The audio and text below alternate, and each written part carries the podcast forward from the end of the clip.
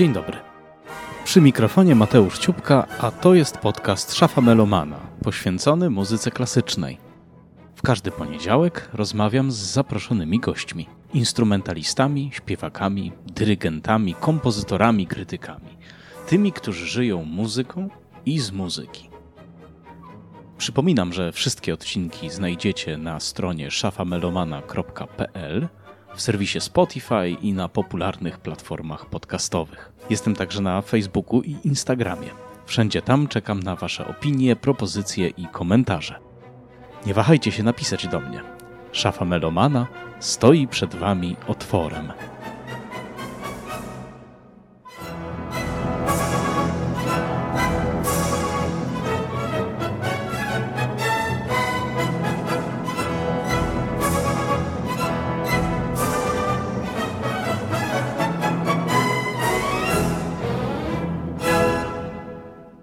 Dzisiaj moją gościnią jest Magda Miśka-Jackowska, dziennikarka przez lata związana z RMF Classic, autorka programów o muzyce filmowej, autorka także podcastu Score and the City, założonego w sierpniu 2020 roku. Znajdziecie już 45 odcinków tego podcastu na różnych platformach. Oczywiście w opisie dajemy e, wszelkie możliwe linki, abyście Magdę znaleźli. Witam Cię. Znaczy podcasterka po prostu. Bardzo mi miło. Tak Cieszę jest. się. Dziękuję Ci za zaproszenie. Pogadamy sobie dzisiaj jak podcaster z podcasterem. Tak to jest. będzie pierwszy w historii szafy Melomana odcinek um, taki autotematyczny, w którym trochę sobie porozmawiamy o tym właśnie, dlaczego robimy te podcasty, o tym, e, gdzie jest granica pomiędzy radiem a podcastem. Ona się chyba coraz bardziej zaciera. I w ogóle będziemy sobie troszeczkę tak o nas samych gadać, w przeciwieństwie do tego, co normalnie mm, robimy, bo zawsze w szafie rozmawiamy o jakichś problemach, w których mój zaproszony gość jest ekspertem, ale w sumie ta relacja nie jest zaburzona, bo ty jesteś ekspertką.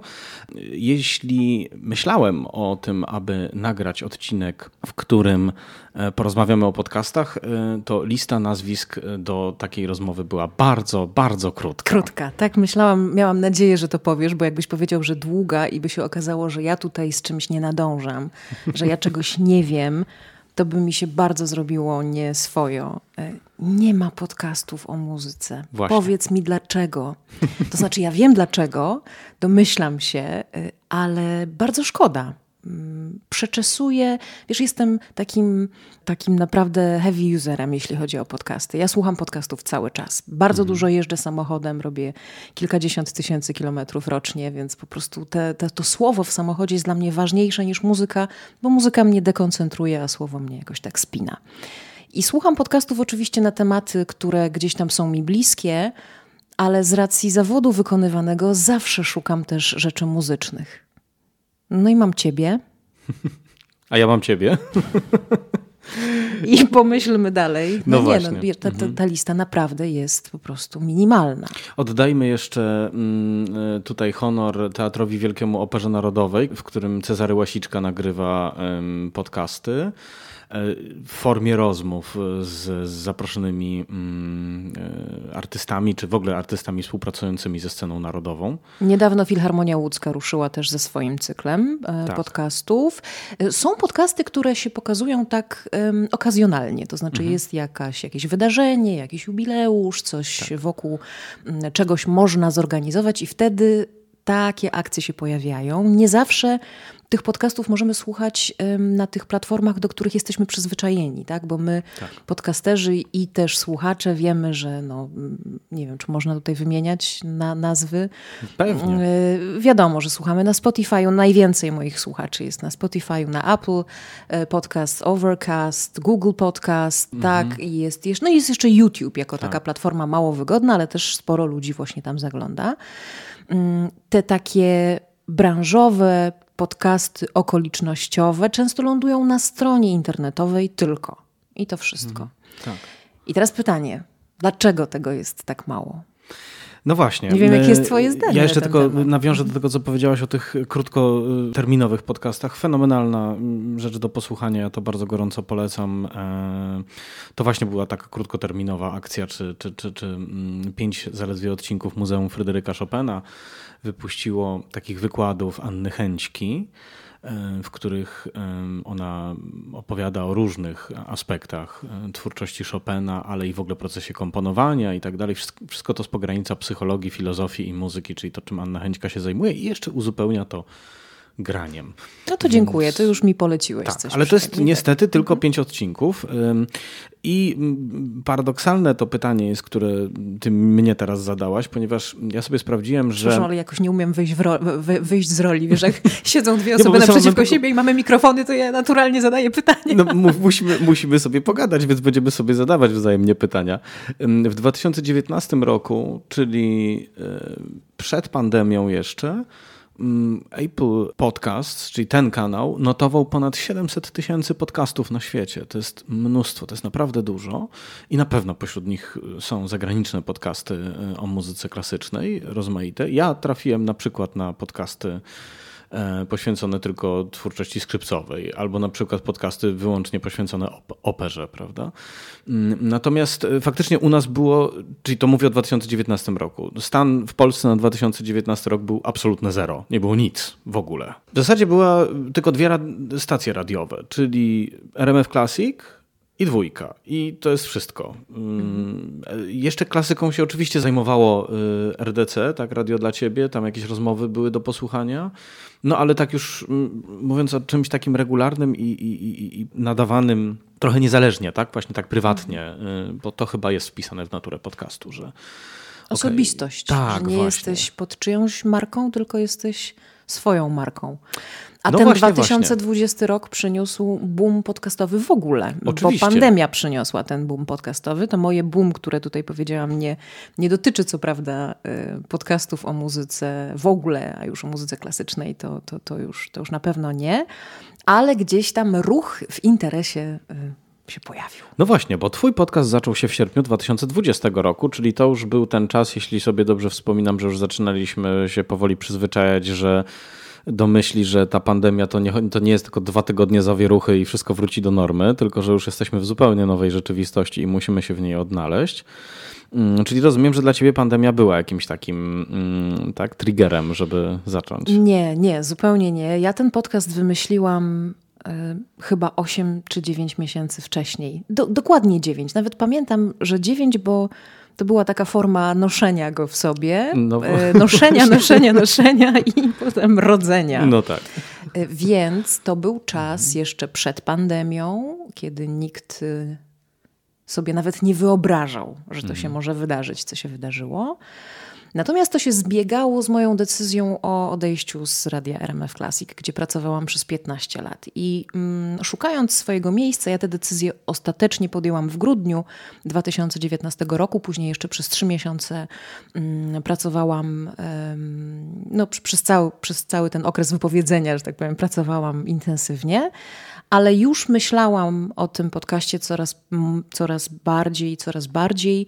I on się tak wykluwał, wykluwał, no i się wykluł w sierpniu 2020 roku, ale z pandemią nie miał nic wspólnego. Mhm. Był jakąś taką hybrydą właśnie tego, że ja już byłam na swoim.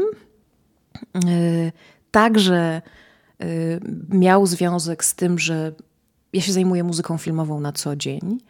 Mm, i nic na ten temat, właściwie nic na ten temat w ogóle w mediach poza RMF Classic i poza y, programem w dwójce nie ma po prostu. Więc pomyślałam sobie, że taki podcast y, po prostu jest potrzebny. Jest potrzebny. Chciałaś się rozwieść z radiem, ale nie chciałaś się rozwodzić z mikrofonem. Myślę, że że rozwód się jakoś tak negatywnie kojarzy. Okay. Ja po mhm. prostu zrobiłam w RMF Classic bardzo dużo mm, rzeczy i uznałam, że że to wystarczy, że, mhm. że teraz niech robią inni, e, bo ekipa jest dalej bardzo fajna, a ja, a ja się zajmę tym, na co nie miałam czasu pracując w RMF Classic. Mhm. Czy podcast gdzieś się mieścił w tym, w tym kręgu zainteresowań? Chyba tak, ponieważ y, każdy, kto pracuje pod jakąś dużą marką, w jakiejś redakcji dużej, czy to y, prasowej, czy to radiowej, czy to telewizyjnej, wie, że jest częścią pewnego zespołu. Pomysł na ten zespół, na ideę, na programy, to wszystko idzie gdzieś z góry albo musi być szeroko dyskutowane. Ja jestem indywidualistką, zawsze chciałam robić rzeczy po swojemu i przez wiele lat w RMF Classic miałam tę szansę, za co jestem ogromnie wdzięczna. Mm, no ale wiadomo, że apetyt rośnie w miarę jedzenia, więc y, ten mój podcast jest takim spełnieniem marzeń, żeby mówić i robić y, to, co jakby u mnie się urodzi, co sobie ja wymyślę. Bez konsultacji z nikim innym. To, co cię chciałem od razu w zasadzie na początku spytać, ale tak sobie właśnie jakby na, na, na szeroki przestór wypłynęliśmy, a teraz musimy obrać jakiś kurs. Y, to jest temat tych właśnie wzajemnych, już go trochę poruszyłaś, temat wzajemnych relacji radia i podcastu. Ponieważ kiedy starałem się wytłumaczyć pewnemu mojemu leciwemu przyjacielowi, y, czym jest podcast, E, to po prostu użyłem analogii radiowej. Mówię, to jest audycja radiowa, tylko że można sobie jej posłuchać w internecie. E, znajomy bardzo przytomnie mnie spytał, ale to radia nie da się posłuchać w internecie? Mówię, no da się, no dobrze, tylko że chodzi o to, że y, na audycję radiową zazwyczaj musimy czekać, bo ona jest o danej godzinie i jeżeli ona jest do odsłuchania nie o tej godzinie, tylko kiedykolwiek indziej, no to w zasadzie zamienia się w podcast, prawda? No i tu już się sytuacja zaczęła nam komplikować, ale y, y, to jest zdecydowanie pytanie do ciebie, y, ponieważ ty w obu tych światach żyłaś i żyjesz teraz. Mm, czym według ciebie, w twoim odczuciu, różni się podcast od audycji radiowej? Odpowiedź pierwsza, jaka mi się nasuwa, brzmi niczym, ale natychmiast przychodzi odpowiedź druga, która brzmi wszystkim. Wszystkim. E, nie, mhm. rozumiem, że kontynuować. Tak, tak, bardzo proszę. Wiesz co, to jest tak. Um, oczywiście w radiu mamy ten element bycia na żywo i on jest nie do podrobienia. To znaczy mhm. nie da się tego wytłumaczyć, co to znaczy prowadzić program na żywo, co to znaczy siedzieć w studiu, kiedy zapala się czerwona lampka i my musimy powiedzieć coś tu i teraz, bo jeśli teraz tego nie powiemy, to będzie na antenie cisza, która to cisza dla radia jest zabójcza. Tak. Y, pracowałam w radiu 20 lat, więc y, doświadczyłam wielu i cisz, i wielu różnych słów. Y, mm, wiem, jakie to jest istotne. Ale z drugiej strony, radia dzisiaj, a w pandemii to się jakby jeszcze bardziej stało widoczne, też w części opierają się na programach nagranych które nie są na żywo. Więc to nie jest tak, że w tym radiu jest wszystko na żywo, a u nas w podcastach nic nie jest na żywo. Z drugiej strony, nie wiem jak Twój podcast, znaczy jestem teraz w Twoim podcaście i czuję, że mam nadzieję, że jakoś nie będziesz musiał specjalnie tego montować. Mój podcast jest nagrywany właściwie jeden do jeden, to znaczy jest tak jak go ja nagrywam, tak Wy go potem słyszycie, mhm. moi słuchacze. Mm, jeśli mam gościa i jeśli e, ta rozmowa wymaga jakiejś drobnej redakcji, to to robię, czy montażu, ale jak nagrywam sama, to właściwie jeśli się gdzieś pomylę, przejęzyczę, to się po prostu lecę dalej, to się poprawiam, bo wiem, że jakby perfekcjonizm nie jest dobry dla tego, co my robimy. Mhm, czyli dla, dla świata podcastowego tak, właśnie, tak? Tak, tak, mhm. bo wtedy mamy do czynienia z jakimś takim produktem idealnym, e, wiesz, mhm. wypielęgnowanym, wypieszczonym. Czyli po prostu mówiąc e... krótko, nie siadasz po nagraniu do, mhm. e, nie wiem, w czym tam montujesz, w Wavelabie, czy w Protulsie. W Protulsie. Czy... W Protulsie, okej, okay, no to znać radiowca, że w mhm. Protulsie oczywiście. E, że no nie siadasz, nie wycinasz wszystkich mlaśnięć. E, nie wycinam mlaśnięć. Westchnięć. Westchnień, tym bardziej, tak ponieważ ja akurat lubię, jak wzdycham. Wiem, że ludzie lubią, jak wzdycham. Nie żartuję. A wzdychałam kiedyś w polskim filmie jednym, więc dlatego mogę mhm. się pochwalić, że jakby... Nie, nie, nie. I te westchnienie miały świetne recenzje. Nie, ale byłam w napisach końcowych, jako no. pani, która wzdycha. Natomiast y, wycinam wyłącznie jak ktoś zadzwoni do domofonu, no jak tak. ktoś, y, jak przejedzie karetka bardzo głośno i ja tego nie jestem w stanie wyciszyć, chociaż i tak nagrywam w takim właściwie mikrostudiu w domu, które jest wyciszone. Mhm wycinam miejsca, w, którym, w których mój gość ewentualnie tak no poszedł w taką stronę, że sam powiedział, to ja to powtórzę y, i, i to wycinam. Miałam też y, jedną taką bardzo miłą reakcję od jednej mojej rozmówczyni, która powiedziała: O, nawet nie wiedziałam, że naprawdę pójdzie to jeden do jeden. I mhm. poszło. Mm, więc nie, nie wycinam. Ale wiesz dlaczego? Dlatego, że znowu analogia do radia. To, co ja w radiu kocham najbardziej, to ten brak e, perfekcjonizmu. Mhm. że tam się też wszystko może wydarzyć. No, jak jesteśmy na żywo, żywo właśnie, tak, to tak. się mhm. przejęzyczymy. I też mm, przez te 20 lat y, przeszłam przez kilka takich też lekcji mistrzowskich, jakichś warsztatów, jakichś takich wspólnych narad, burz mózgów i tak dalej. I wiem, że po tej drugiej stronie jest słuchacz, który też tego perfekcjonizmu nie lubi. On mhm. chce ciebie, człowieku, radiowcu, podcasterze, prawdziwego, szczerego, jakim jesteś, jeśli się pomylisz. Wiesz, ja się kiedyś tak pomyliłam, że przyznałam nagrodę Nikę nie temu, co trzeba na antenie. Tak Zawsze na potwierdzenie no, ale, tego, co no. właśnie mówisz, e, mam taki koronny przykład zawrotnej popularności takiego podcastu w Polsce, który się nazywa Dwóch Typów Podcast, mm -hmm, który chyba w ogóle, przepraszam, bo ja go nie śledzę akurat, więc ja nie wiem, co się z nim teraz dzieje, ale kiedy ja go widziałem, czy gdzieś tam wpadłem na niego, no to, to tak, to generalnie dwóch chłopów co siedziało po prostu na na fotelach i sobie po prostu ględziło trochę o niczym Słuchaj, i to może, się bardzo no dużą no właśnie, popularnością może cieszyło. to jest tak, że w momencie, w którym, bo to się mi się zbiega mhm. w czasie, w momencie, w którym radio odeszło trochę od tego bycia na żywo przez całą dobę, tak. podcasty mają szansę być tym dla mnie w ogóle podcast, i mówię o tym w pierwszym odcinku, że dla mnie podcast jest takim jeszcze bardziej intymnym i bliskim spotkaniem z, z twórcą. No bo my też jesteśmy twórcami. No nie, tak. jesteśmy, nie, nie jesteśmy instrumentalistami, nie jesteśmy może, nie wiem, śpiewakami, wokalistami, kompozytorami i tak dalej, ale też jesteśmy twórcami, tak? I to jest takie właśnie e, najbardziej intymne spotkanie. No bo skąd ja nagrywam? Z domu. No, ja mój podcast biorę w podróż gdziekolwiek jestem, ponieważ mój tryb życia e, jest taki, że ja właściwie non-stop się przemieszczam i ten mikrofon, i ten laptop, i to moje mikrostudio jeżdżą ze mną gdziekolwiek jestem. I nagrywam, zdaje, zdarza mi się nagrywać, e, nie wiem, z garderoby albo z szafy gdzieś w jakimś miejscu, którego nie umiem inaczej wytłumić. Zdarza mi się nagrywać e, w plenerze, o, Marka Napiórkowskiego nagrywałam mhm. w plenerze, pamiętam.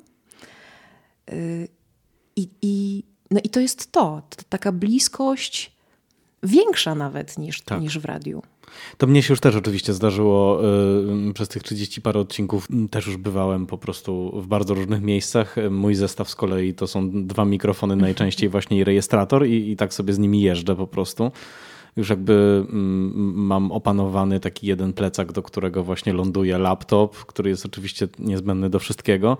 A byłeś już za granicą z tymi mikrofonami? To jest przygoda, mój no właśnie nie to ci polecam no, ci o kontrolę bezpieczeństwa z mikrofonami, bo o. to zawsze ro, rodzi mnóstwo wyjaśnić, że to nie krępujących jest, pytań. Że to nie jest granat, że to nie jest bomba. tak, ja wiesz. Granat to tam No, no kiedyś chyba Krystianowi Zimmermanowi wysadzili fortepian w powietrze, prawda? Zdaje się, to było... A to nie, nie, nie, nie znałam tej historii. Przepraszam, bo nie chcę teraz fake newsa jakiegoś tutaj, czy po prostu z jakiejś bajduły opowiadać, ale zdaje się, że kiedyś była taka historia, czy jemu, czy komuś innemu, e, ponieważ zdaje się na jakichś detektorach wyszło, że tam są ładunki wybuchowe, więc po prostu przetransportowano fortepian na poligon i go wysadzono mm. w powietrze. E, no, moje, moje, moje historie o podróżowaniu z mikrofonami są mniej spektakularne, ale równie, że tak powiem, pikantne, o, powiedziałabym, tak, wybuchowe mogą być czasem. No to, to, to już, no, to już musisz coś opowiedzieć. No, no nie, no, przez kontrolę bezpieczeństwa, kiedy przechodzi mój sprzęt, mhm. to zawsze panowie widzą e, przedmiot e, no, w wielkości tam, nie wiem, powiedzmy kilkunastu centymetrów, czy tam do dwudziestu centymetrów, podłużny. Mm-hmm. I natychmiast pytają, co to jest. Ja nie wiem, czy ja tak mogę iść w tę stronę w ogóle u ciebie. No, natychmiast pytają, co to jest. Y, natychmiast chcą to oglądać i y, chcą tego dotknąć. Jak ja mówię, że mikrofon to nie wystarczy, więc oni rozbierają te wszystkie y, moje etui, jedno, no tak. drugie, tam te szmatki zabezpieczające. Aha, mikrofon. No i czasem jest jakaś rozmowa w stylu, a to, to co pani robi, czym się pani zajmuje. Czasem nie ma, ale jeszcze mi się nie zdarzyło przez kontrolę bezpieczeństwa z mikrofonem przejść, niepytana, a co tam pani ma w tej różowej torebeczce, takie małe. Wróćmy do tego zagadnienia e, e, podcast a radio. E, już zasygnalizowaliśmy takie, taką różnicę mm, właśnie pewnej intymności, pewnego takiej relacji z odbiorcą, ale też może z naszymi rozmówcami, bo niektórzy nas po prostu traktują jak radiowców. No okej, okay, gdzieś to tam będzie i tyle, ale niektórzy rozumieją, że to jest, e, że to jest podcast, sami są słuchaczami podcastów.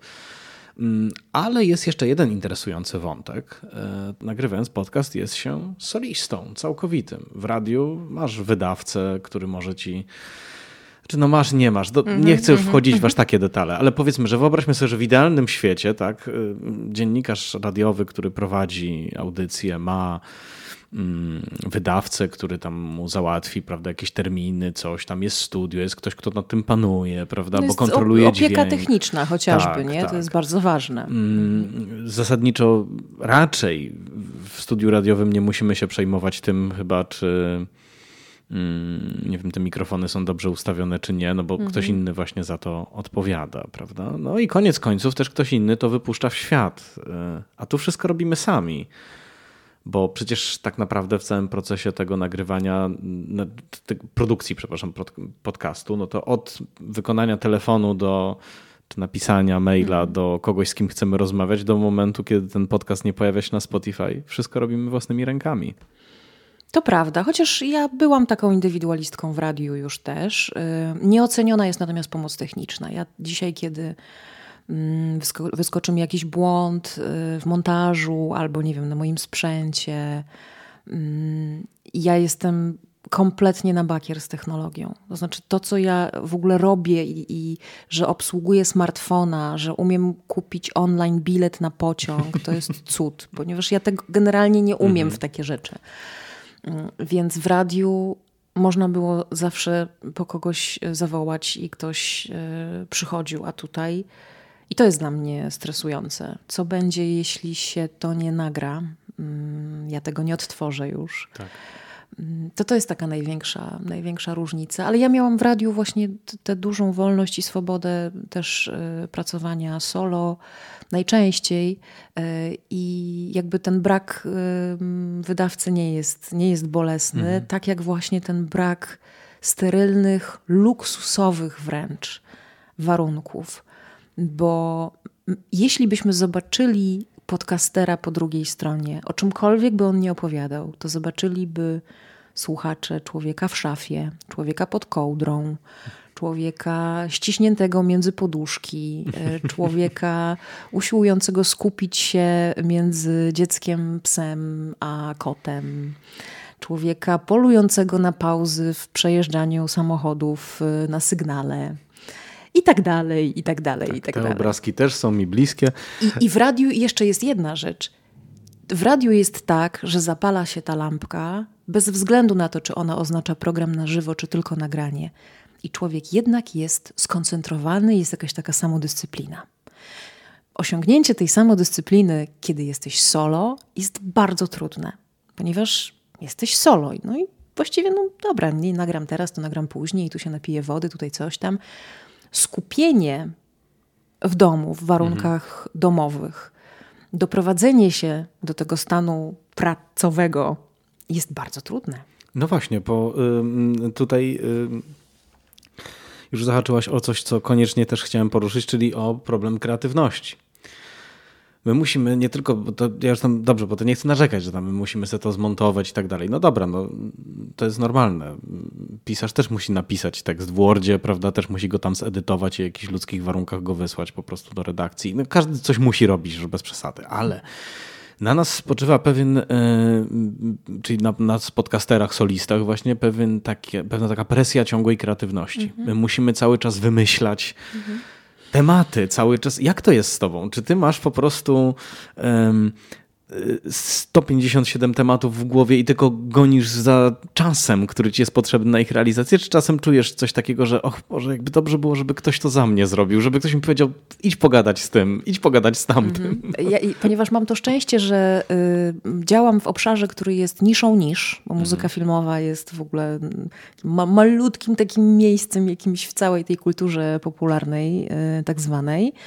Więc wiele rzeczy w ogóle nie zostało nawet liźniętych. I ja, mogąc sobie jeszcze decydować o tym, co robię, faktycznie mam te 150 y, pomysłów albo 150 tysięcy pomysłów napisanych na długiej, długiej kartce w notatkach i, i mogę z tego korzystać. Różnica znowu radio, podcast jest taka, że ja wciąż miałam tę kartkę w radiu i na niej było 150 pomysłów, ale ja potem przychodziłam i dyskutowaliśmy o takich pomysłach e, na zebraniach I na mój pomysł reagowało, nie wiem, 8, 9, 10 osób. Więc ja miałam tak naprawdę pierwszego odbiorcę. I kiedy oni mi mówili, nie, wiesz co, to nie będzie chyba ciekawe. Albo kiedy mi uświadamiali problem, o którym ja sobie nie pomyślałam, mm, to było to bardzo cenne. Teraz tego nie mam. Czyli jeśli A, ja coś zawalę. Mówisz, że to jest cenne. No, y, tak, to było. Ale to jest też krępujące, prawda? Przecież Troszkę chyba tak, w każdej redakcji padają, to, padają te słynne zdania, to jest od redakcji papierowych przez radiowe i telewizyjne na przykład. To ludzi nie będzie interesować. Oczywiście. I a, oczywiście zawsze na to wypada y, y, zadać pytanie, a proszę mi pokazać badania, na podstawie których taka teoria jest wysnuta. Tylko no bo... wiesz co, no, jeśli dyskutujesz o czymś w gronie, -hmm. mówię, no około 10 osób, okay. bo tyle nas było i Opinia jeśli jedna, tak, mhm. jeśli jedna osoba powie, że to jest nieinteresujące, ale sześć powie, nie, no czemu? Spróbuj. I ostatecznie dostajesz takie zielone światło nie na zasadzie, że ktoś ci pozwoli, tylko gdzieś tam widzisz, że dobrze, to ja spróbuję, bo to nie jest tak, że, że zgłasza, zgłaszałam pomysł i ktoś mówił, nie będziemy, ten, nie będziemy tego robić w ogóle, bo to jest bez sensu.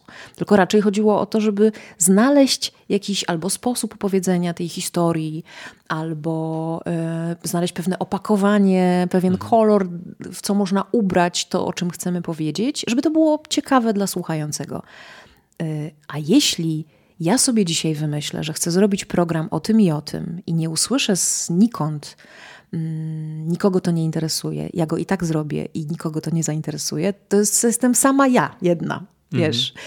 Więc tego ale, mi trochę brakuje. Ale w świecie podcastów jest jedna rzecz, którą możesz sobie powiedzieć wtedy zupełnie szczerze ja po prostu chciałam zrobić mm. ten odcinek tak. i on się ukazał i cieszę się z tego powodu i tyle. Oczywiście, tym żyję. To jest moja, wiesz, to jest moja, to jest mój optymizm że, na co dzień. Właśnie no? to jest, wydaje mi się, jedna z cech dystynktywnych podcastu, która go tak odróżnia może od właśnie audycji powstającej w gronie ludzi, tak, w gronie że robisz radiowym. go też sam dla siebie.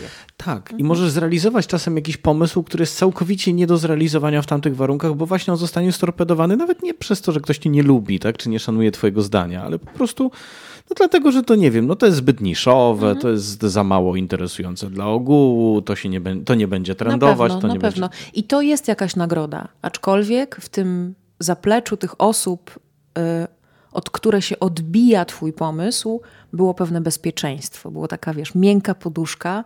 A co jeśli ja rzeczywiście dzisiaj mam gorszy dzień i ten mój pomysł nie jest dobry? No tak. No, więc tak. A tu trzeba zawsze, zawsze ufać swojej intuicji. Mm -hmm. No bo tylko ją mamy. No.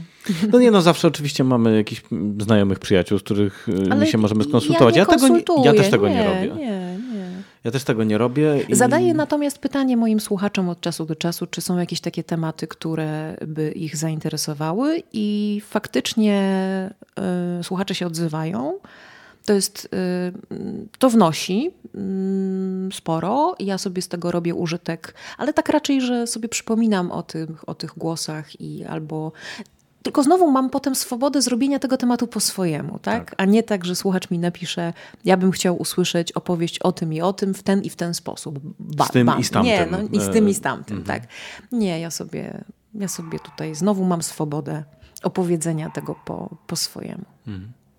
No i co? Muzyka, co teraz? Muzyka. Zejdźmy, tak, zejdźmy z, y, już z tego, z tego z radia biednego i, i, z tych technicznych rzeczy, żebyśmy też nie zamęczyli naszych y, słuchaczy, bo myślę, że mm, ponieważ to jest crossover episode, to będziemy e, mieli podwójną twoją i moją publiczność. E, mam taką nadzieję w każdym razie. No i... Mm, E, chcę zapytać Cię teraz, tak może nalajcie trochę, e, jakich podcastów Ty słuchasz, bo to jest coś, co nas łączy. Ja też mhm. jestem, e, że tak powiem, zapalonym słuchaczem podcastów i myślę, że może to być ciekawe też dla naszych naszych słuchaczy w tej chwili, żeby wiedzieli, co ich e, podcasterzy, oczywiście ulubieni, prawda, bo na pewno jesteśmy ich ulubionymi podcasterami, ale co my, co my słuchamy i, i co lubimy. Ja myślałam, Więc że zadasz, zeznawaj. tak, ja myślałam, że zadasz mi teraz to trudne pytanie, jak to jest mówić o muzyce y, w podcaście, jak to jest A, w ogóle mówić o muzyce. To pytanie jest bo, oczywiście, ale to będzie później. Bo to jest bardzo trudne pytanie. Tak, e, tak ja słucham podcastów um, sporo. Y, one są od sasa do lasa na różne tematy. Mam jeden podcast y, psychologiczny, którego słucham i to jest oczywiście podcast o zmierzchu Marty Niedźwieckiej. Mówię oczywiście, bo On jest teraz chyba najbardziej popularny w Polsce rzeczywiście, a Marta w sposób cudowny porusza tematy ważne dla każdego człowieka. Y, tematy nie tylko związane z cielesnością, ale też z duchowością i w ramach takiego samorozwoju myślę, że warto tę godzinkę poświęcać Marcie y, raz na tydzień, kiedyś, a teraz raz na dwa tygodnie. Mm, słucham podcastu Spoiler Master y, do słuchania po seansie Michała Oleszczyka. Też powiem tak. oczywiście, ponieważ z kolei to jest y, mm, chyba najpopularniejszy filmowy podcast w Polsce, co jest jakimś fenomenem, ponieważ Michał tak naprawdę robi wykład mm, nie występuje w lśniącym garniturze z cekinami, nie, nie, nie robi jakiegoś tańca, który przyciąga naszą uwagę. On po prostu to jest solidna jest, filmoznawcza tak, robota. Bardzo mhm. starannie przygotowuje się do tego, co chce nam powiedzieć i opowiada nam rzeczy, które są właściwie czystą, czystą wiedzą filmową, a robi to z, z wielką pasją i słucha się tego z zapartym tchem. Michał przemyca również e, rzeczy muzyczne, co, z czego ja się bardzo cieszę, mm, bo jest człowiekiem bardzo wrażliwym mm, na, na muzykę w kinie i na muzykę w ogóle, a na musical e, w szczególności. Więc Michał jest takim moim drugim ulubieńcem. Yy, zaczynam dzień od 8.10 yy, Gazety Wyborczej. To, to też nie jest chyba mm, coś, co robię tylko ja. To się zaczęło, kiedy mieszkałam, yy, kiedy, kiedy miałam taki czas wielu miesięcy mieszkania non-stop za granicą z powodu pandemii. Po prostu tam zostałam i to był mój taki kontakt z Polską, z, bo nie miałam telewizji, więc to. Co jeszcze? Musiałabym wyciągnąć swój telefon i sobie, e, wiesz, zobaczyć, e, czego ja tam. To zderzymy słucham. to, co y, no. powiedziałaś właśnie. A, słucham jeszcze podcastu Dobra Podróż. Bardzo Aha. lubię. Mm, dzisiaj słuchałam odcinka o, o przyjaźni polsko-węgierskiej. Bardzo to było śmieszne. Zderzymy to, co właśnie powiedziałaś, z danymi ym, na temat popularności podcastów w Polsce w 2021 roku. Wydaje mi się, że. Ym, Akurat w przypadku podcastów takie roczne rozliczenia są troszeczkę mało skuteczne, ponieważ podcast jako forma rozwija się długo. No chyba, że się zaczyna jak Dariusz Rosiak, prawda? W mhm. blasku fleszy. Ale ja Dariusza i... Rosiaka oczywiście też słucham. Oczywiście. Naturalnie, naturalnie. Um, ja tak samo. Czyli raportu o stanie świata. Raport o stanie mhm. świata. I y, chyba, że się zaczyna tak jak on zaczął, czyli właśnie w blasku fleszy, mhm. kiedy jest o, y, było głośno o, o, jego odejściu z trójki.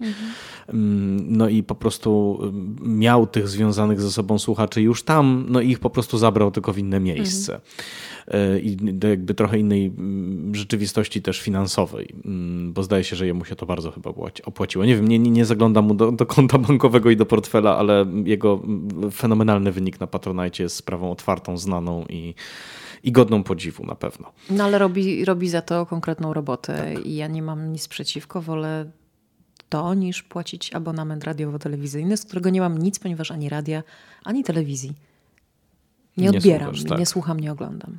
Yy, więc wróćmy do tych mhm. właśnie najpopularniejszych, tych, które są notowane już po tym zastrzeżeniu, yy, które tu zrobiłem, że to jest takie właśnie liczenie yy, trochę, troszkę zbyt krótkoterminowe. Rok, tu powinno się przynajmniej dwa lata uważam brać. A ty y, masz listę taką. Tak. Y, jednym z takich najpopularniejszych y, podcastów jest oczywiście Kryminatorium mhm. Marcina Myszki, tak. który przeszedł drogę odwrotną do mhm. twojej, to znaczy, który najpierw zaczął czyli który zaczął od podcastu, a potem trafił do radia. Mhm. E, żurnalista to są wywiady, wywiady rozmowy Beczka, ja i moje przyjaciółki idiotki, mhm. bardzo e, też wzięty podcast, kwadrans na angielski, praktycznej zwycięża. Piąty nie zabija i mamy kolejny podcast kryminalny. One Słuchaj, się w Polsce najwięcej cieszą. podcastów kryminalnych jest, to czy najczęściej są słuchane. Ja nawet pomyślałam sobie, kurczę, jaki ja mogłabym zrobić odcinek, żeby mhm. mi się to zespoliło z tematyką kryminalną. Mhm. I zrobiłam nawet taki jeden odcinek, który się nazywał Najbardziej nielubiany kompozytor w Hollywood i opowiadał o Bernardzie Hermanie, mhm. ulubionym kompozytorze Alfreda Hitchcocka. I to był jedyny odcinek, który wygenerował, który wiesz, wygenerował jakieś takie głosy na zasadzie nie, o super, super, świetnie się słuchało, tylko hmm, tutaj jakiś negatywny komentarz, tutaj coś tam, że jak ja tak mogłam napisać najbardziej nielubiany kompozytor w Hollywood. I zamierzam to ciągnąć, ponieważ e, chcę na tej fali popularności kryminałów ten, więc tutaj w tym obszarze mm, jest jeszcze coś do opowiedzenia w muzyce filmowej. No i oczywiście tu Okuniewska mhm. jeszcze, no i dwóch typów podcast. To jest taka lista oczywiście mm, uogólniona, no bo jeszcze wypadałoby popatrzeć na konkretne gatunki e, podcastowe. Ja natomiast na pewno mogę wymienić dwa najpopularniejsze podcasty o muzyce w Polsce. To jest twój i mój. No sorry, nie ma więcej. Nie no, żartuję, nie? wytnę to potem. Ale... Nie no, podcasty o muzyce są, ale to zrozumiem, że za chwilkę przejdziemy do tego, tak? tak? To jeszcze, czyli tak, z tych, które przeczytałem, to co? To ty czego słuchasz? Zaraz ci powiem, ale mhm. co, ty kryminatorium słuchasz tak, tak, tak, zaglądam. Znaczy rzucam uchem, jak to z się tego, ładnie co, mówi. Z tej popularki, co jeszcze eee... jest? No? Kwadrans na angielski nie, poświęcasz? Nie, nie, Z tego Za wszystkiego, z czego, z, tego mam nadzieję, z tego wszystkiego, co tam już um, miałeś, to już nie. Ja jeszcze sobie przypomniałam, że ja lubię, wiesz co, takie podcasty mm, takie jak mój, takie niszowe. Na przykład jest taki podcast fantastyczny, fantastyczny, który nazywa się Przetłumacze. O sztuce tłum tłumaczenia w ogóle, różnego. Y, ja tam trafiłam, bo akurat skusił mnie odcinek dotyczący muzyki filmowej oczywiście i, i Disneya i bajek, ale tam mają też tłumaczenia medyczne, książkowe. Z Filipem Łubodzińskim jest fantastyczna rozmowa, chyba nawet w dwóch odcinkach. Świetny podcast.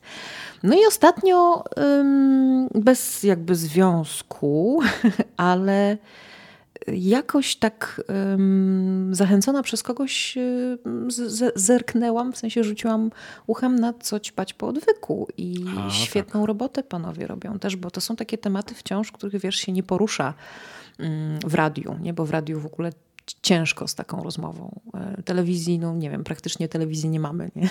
No z tak. takiej, takiej publicystycznej, neutralnej. Mm, no, więc to też. A teraz ty. Ja słucham bardzo dużo polityki, przyznaję się do tego. Ja się tym torturuję absolutnie.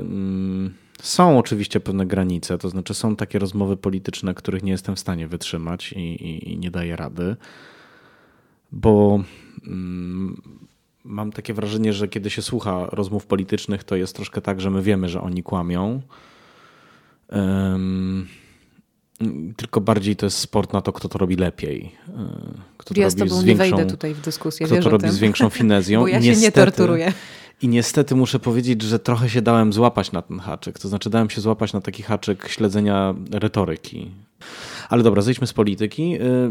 Y, pasjami słucham spraw międzynarodowych i tu jest, mam taki, takie trzy ulubione, czyli oczywiście raport o stanie świata Dariusza Rosiaka, to jest dział zagraniczny mhm. Maćka Okraszewskiego i brzmienie świata z lotu Drozda, Pawła Drozda. Wszyscy oni chyba poza Maćkiem Okraszewskim, e, czyli no wszyscy, czyli dwaj, Rosiak i, i Drozd, wywodzą się z trójki, dawnej trójki. Maciek e, Okraszewski zaczął tak samorzutnie, bo on przecież na początku pisał, był przede wszystkim związanym z, dziennikarzem związanym z polityką. Tam właśnie jest ten podtytuł pod, podcastu charakterystyczny, czyli polskiego czytelnika to nie interesuje. E, statystyki oraz jego wsparcie na Patronajcie pokazują, że jest dokładnie na odwrót. E, I wydaje mi się, że Ale tak. Jeśli on chciał coś udowodnić, to udowodnił. Możesz tak. sobie pozwolić na taką brawurę w radiu, w mediach w ogóle nie. No, no właśnie. W nowych mediach tak. tak. Na YouTubie tak, w podcastach tak. To jest świetne. A czy masz tak, y, że tak przejmę tutaj rozmowę? Bardzo proszę. Mm, czy masz tak, że słuchasz podcastów jak radia, czyli czekasz na dzień, w którym one mają premierę? Bo ja tak. I to jest coś, co ja się biję po głowie, że ja tego nie umiem osiągnąć, ponieważ z powodu nawału pracy, bo naprawdę mam jej, mam jej bardzo dużo, nie zawsze mi się udaje wypuścić odcinek tak, jak sobie zaplanowałam, czyli w późny niedzielny wieczór, żeby on był na poniedziałek rano gotowy. Tak, ja mam ten sam, tak. ten sam rytm. Mhm. Ale jeśli, y, jeśli ja jestem słuchaczem, to sobota rano, jak mi się nie wyświetli, o właśnie Michał Nogaś, jeszcze Michała Nogasia do, do, mhm. do, roz, tak, do, ra, tak, no właśnie no, no, jego rozmowy o książkach w ogóle. Tak. Mm, które są też na tym kanale 8.10. Jeśli mi się to nie wyświetli, to ja mam po prostu dzień stracony. I w sobotę też kilka innych takich, które, które słucham, się ukazują. I tu y, mamy podobnie, y, bo i, i znowu mamy, y, wróciliśmy trochę do tego, zapętliliśmy się i wróciliśmy trochę do tych związków radia z podcastem, bo tak, ja mam dokładnie tak samo. Czekam bardzo intensywnie na, na odcinki i to chyba mogę zdradzić trochę naszym słuchaczom, którzy już na pewno po przesłuchaniu paru odcinków wiedzą, że ja mam psa a ktoś, kto ma psa, y, ma harmonogram dnia podporządkowany psu. To znaczy, ja trzy razy dziennie z psem wychodzę. Y, no i oczywiście to są te momenty właśnie słuchania. No, nie liczę tam, prawda, tradycyjnego staropolskiego sobotniego sprzątania, prawda, podobnych rzeczy, kiedy to są też momenty, gdy sprawdzam. Powiem więcej, podcast wpływa w jakimś stopniu na moje życie, bo na przykład w sobotę nie biorę się do sprzątania, zanim mi się na Spotify nie pojawi Dariusz raport Rosiak. o stanie świata. E, a, raport o stanie świata trwa dwie godziny, czasem dwie godziny z hakiem, czyli to jest dokładnie tyle, ile potrzebuję, aby swoją kawalereczkę wysprzątać. Mam taką piękną myśl, że Dariusz Ros Rosiak sprząta nasze myślenie o świecie, a my sobie sprzątamy w szafkach. No właśnie. Świetnie z... Ale jest na to wytłumaczenie i jakby radiowcy wiedzą to nie od wczoraj, że słuchacz lubi rutynę. Mhm niby jesteśmy w kulturze na żądanie, niby wszystko sobie już można odpalić później, wcześniej, kiedy chcemy, ale jednak jak coś ma swoje, jak, jak, jak jest coś, co ma zwyczaje i co ma pewne, pewne, pewną powtarzalność, to my w to idziemy. Tak. Więc moje życzenie na 2022 rok do samej siebie jest takie, żeby mi się udawało na ten niedzielny wieczór um, zawsze przygotować ten odcinek, tak jak mi się nie udało w tym tygodniu. Wybaczamy i czekamy. Y, ja najczęściej jeszcze, jeszcze nie, nie zdarzyło mi się poślizg z odcinkiem. Już miałem takie zaplanowane wolne, czyli już miałem takie coś, że z góry wiedziałem, że danego dnia nie wypuszczę odcinka po prostu Robiłem to czasem z rozmysłem, bo też jakby zakładam, że słuchacz ma prawo sobie chwilę odpocząć. Jeszcze tylko nawiążę do tych, do tych podcastów, których słucham. E, jestem e, ogromnym fanem e, i, to też muszę głośno powiedzieć, podcastu o nazwie Podcastex. Dwóch fenomenalnych, zresztą moich znajomych, to znaczy jednego znam lepiej, a drugiego bardziej z internetu, bo z Mateuszem Witkowskim studiowałem, a Bartka Przybyszewskiego znam jako znakomitego dziennikarza od spraw popkulturalnych. Założyli podcast o nazwie Podcastex poświęcony latom 90. Mhm. Bardzo się cieszę, że to się stało. Ja pamiętam, że na studiach i być może nawet z Mateuszem Witkowskim o tym rozmawiałem głośno i, i intensywnie przy jakowych trunkach, że y, brakuje nam wielkiej, epickiej powieści o latach 90., czyli o czasach transformacji, prawda? I czasach naszego dzieciństwa. I czasach naszego dzieciństwa. Powieść chyba jeszcze taka, nie wiem, klasy mm, Budembroków Tomasza Mana czy Lalki Prusa nie powstała, ale podcast już jest i pisze swoją fenomenalną, opartą oczywiście na pewnych zabawnych mhm. resentymentach, ale jednocześnie Mm, szalenie interesującą historię. To tak jeszcze, żeby uzupełnić ten wątek. I teraz chciałbym, żebyśmy naszą bardzo ciekawą e, rozmowę, e, która w ogóle mam wrażenie, że jeszcze mnóstwo tematów nie poruszyliśmy, spuentujmy tym, czym się zajmujemy. Bo to Bo... był chyba najbardziej y, niemuzyczny odcinek to był szafy naj... tak, Melomana. Dokładnie i najbardziej niemuzyczny tak, tak.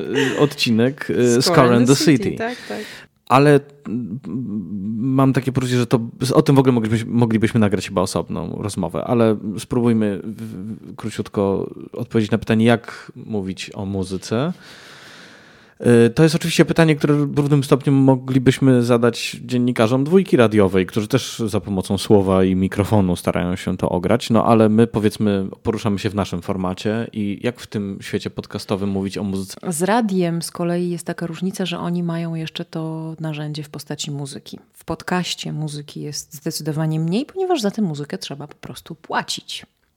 I to tak długo trzeba płacić, jak długo ten podcast sobie w tej przestrzeni wisi i tak długo, jak wy możecie tego słuchać za darmo. To jest ważny e, wątek. Przepraszam, tak. ci wejdę w mhm. słowo, y, bo to może należy się naszym słuchaczom wyjaśnienie że e, w Polsce opłaty za pobieranie muzyki pobiera ZAX który ma taki mechanizm rozliczania, jeśli chodzi o podcasty, że my za X-owi musimy płacić co miesiąc. Jeżeli teraz ten podcast wisi na przykład, a co do zasady podcast ma wisieć w internecie do końca świata i o jeden dzień dłużej, no to do końca świata i o jeden dzień dłużej mhm. za każdy miesiąc będziemy musieli płacić za czy możesz mi już nie przypominać o tym? U progu Nowego Roku i Nowego Ładu jest to ostatnia rzecz, o jakiej chcę myśleć. Więc teraz zanim może tak. Y, właśnie nasi y, słuchacze powiedzą, no dobrze, ale w szafie bywa muzyka, to ja mhm. szybciutko tylko wyjaśnię, że ja w większości, w 99% wykorzystuję nagrania, które muzycy sami dla siebie zrobili po prostu.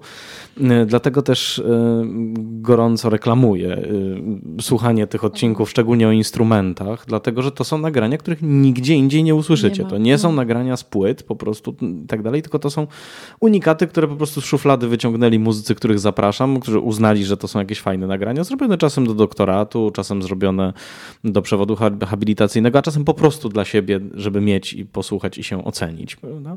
Ja nie mam tego Już komfortu. Oddaję ci głos, tak, tak, ja nie mam tego, tego komfortu, chociaż no musiałabym zaprosić artystę, który usiadłby przy mnie przy fortepianie bądź przy innym instrumencie i zagrał coś, co jest wolne od praw autorskich, co w przypadku muzyki filmowej jest właściwie niewykonalne. Tak?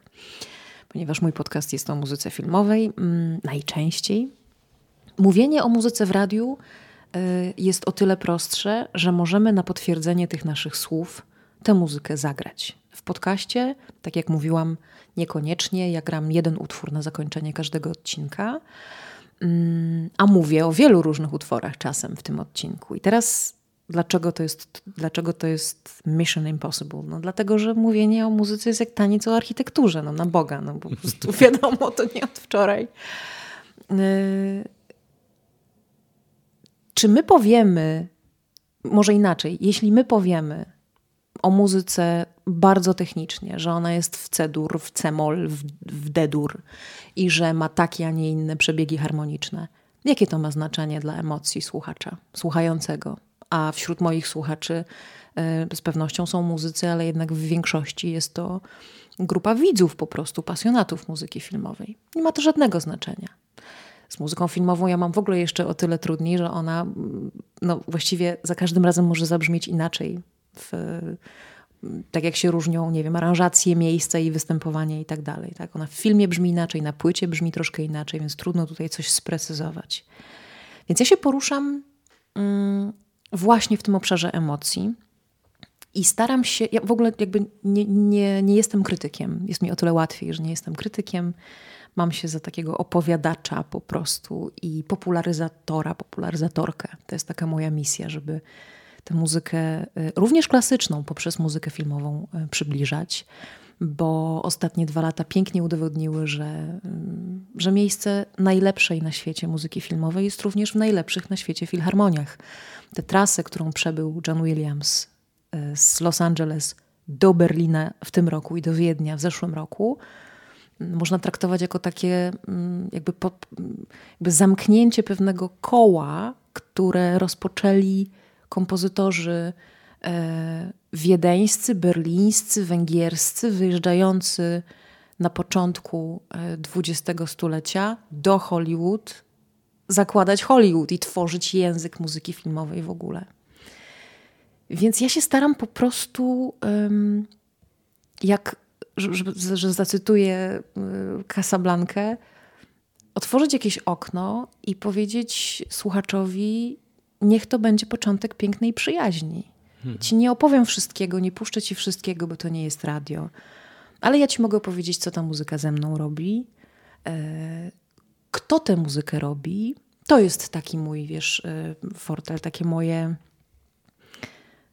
Wa ważna też moja misja, żeby opowiadać o tym, kim są kompozytorzy muzyki filmowej, bo o ile o Vivaldim wiemy, że był rudy, o Beethovenie, że był głuchy i wie to każdy, o tyle y, tylko naprawdę wielcy pasjonaci y, wiedzą coś więcej o Zimmerze niż to, że jest popularny, albo coś więcej o Johnny Williamsie, a już o innych w ogóle.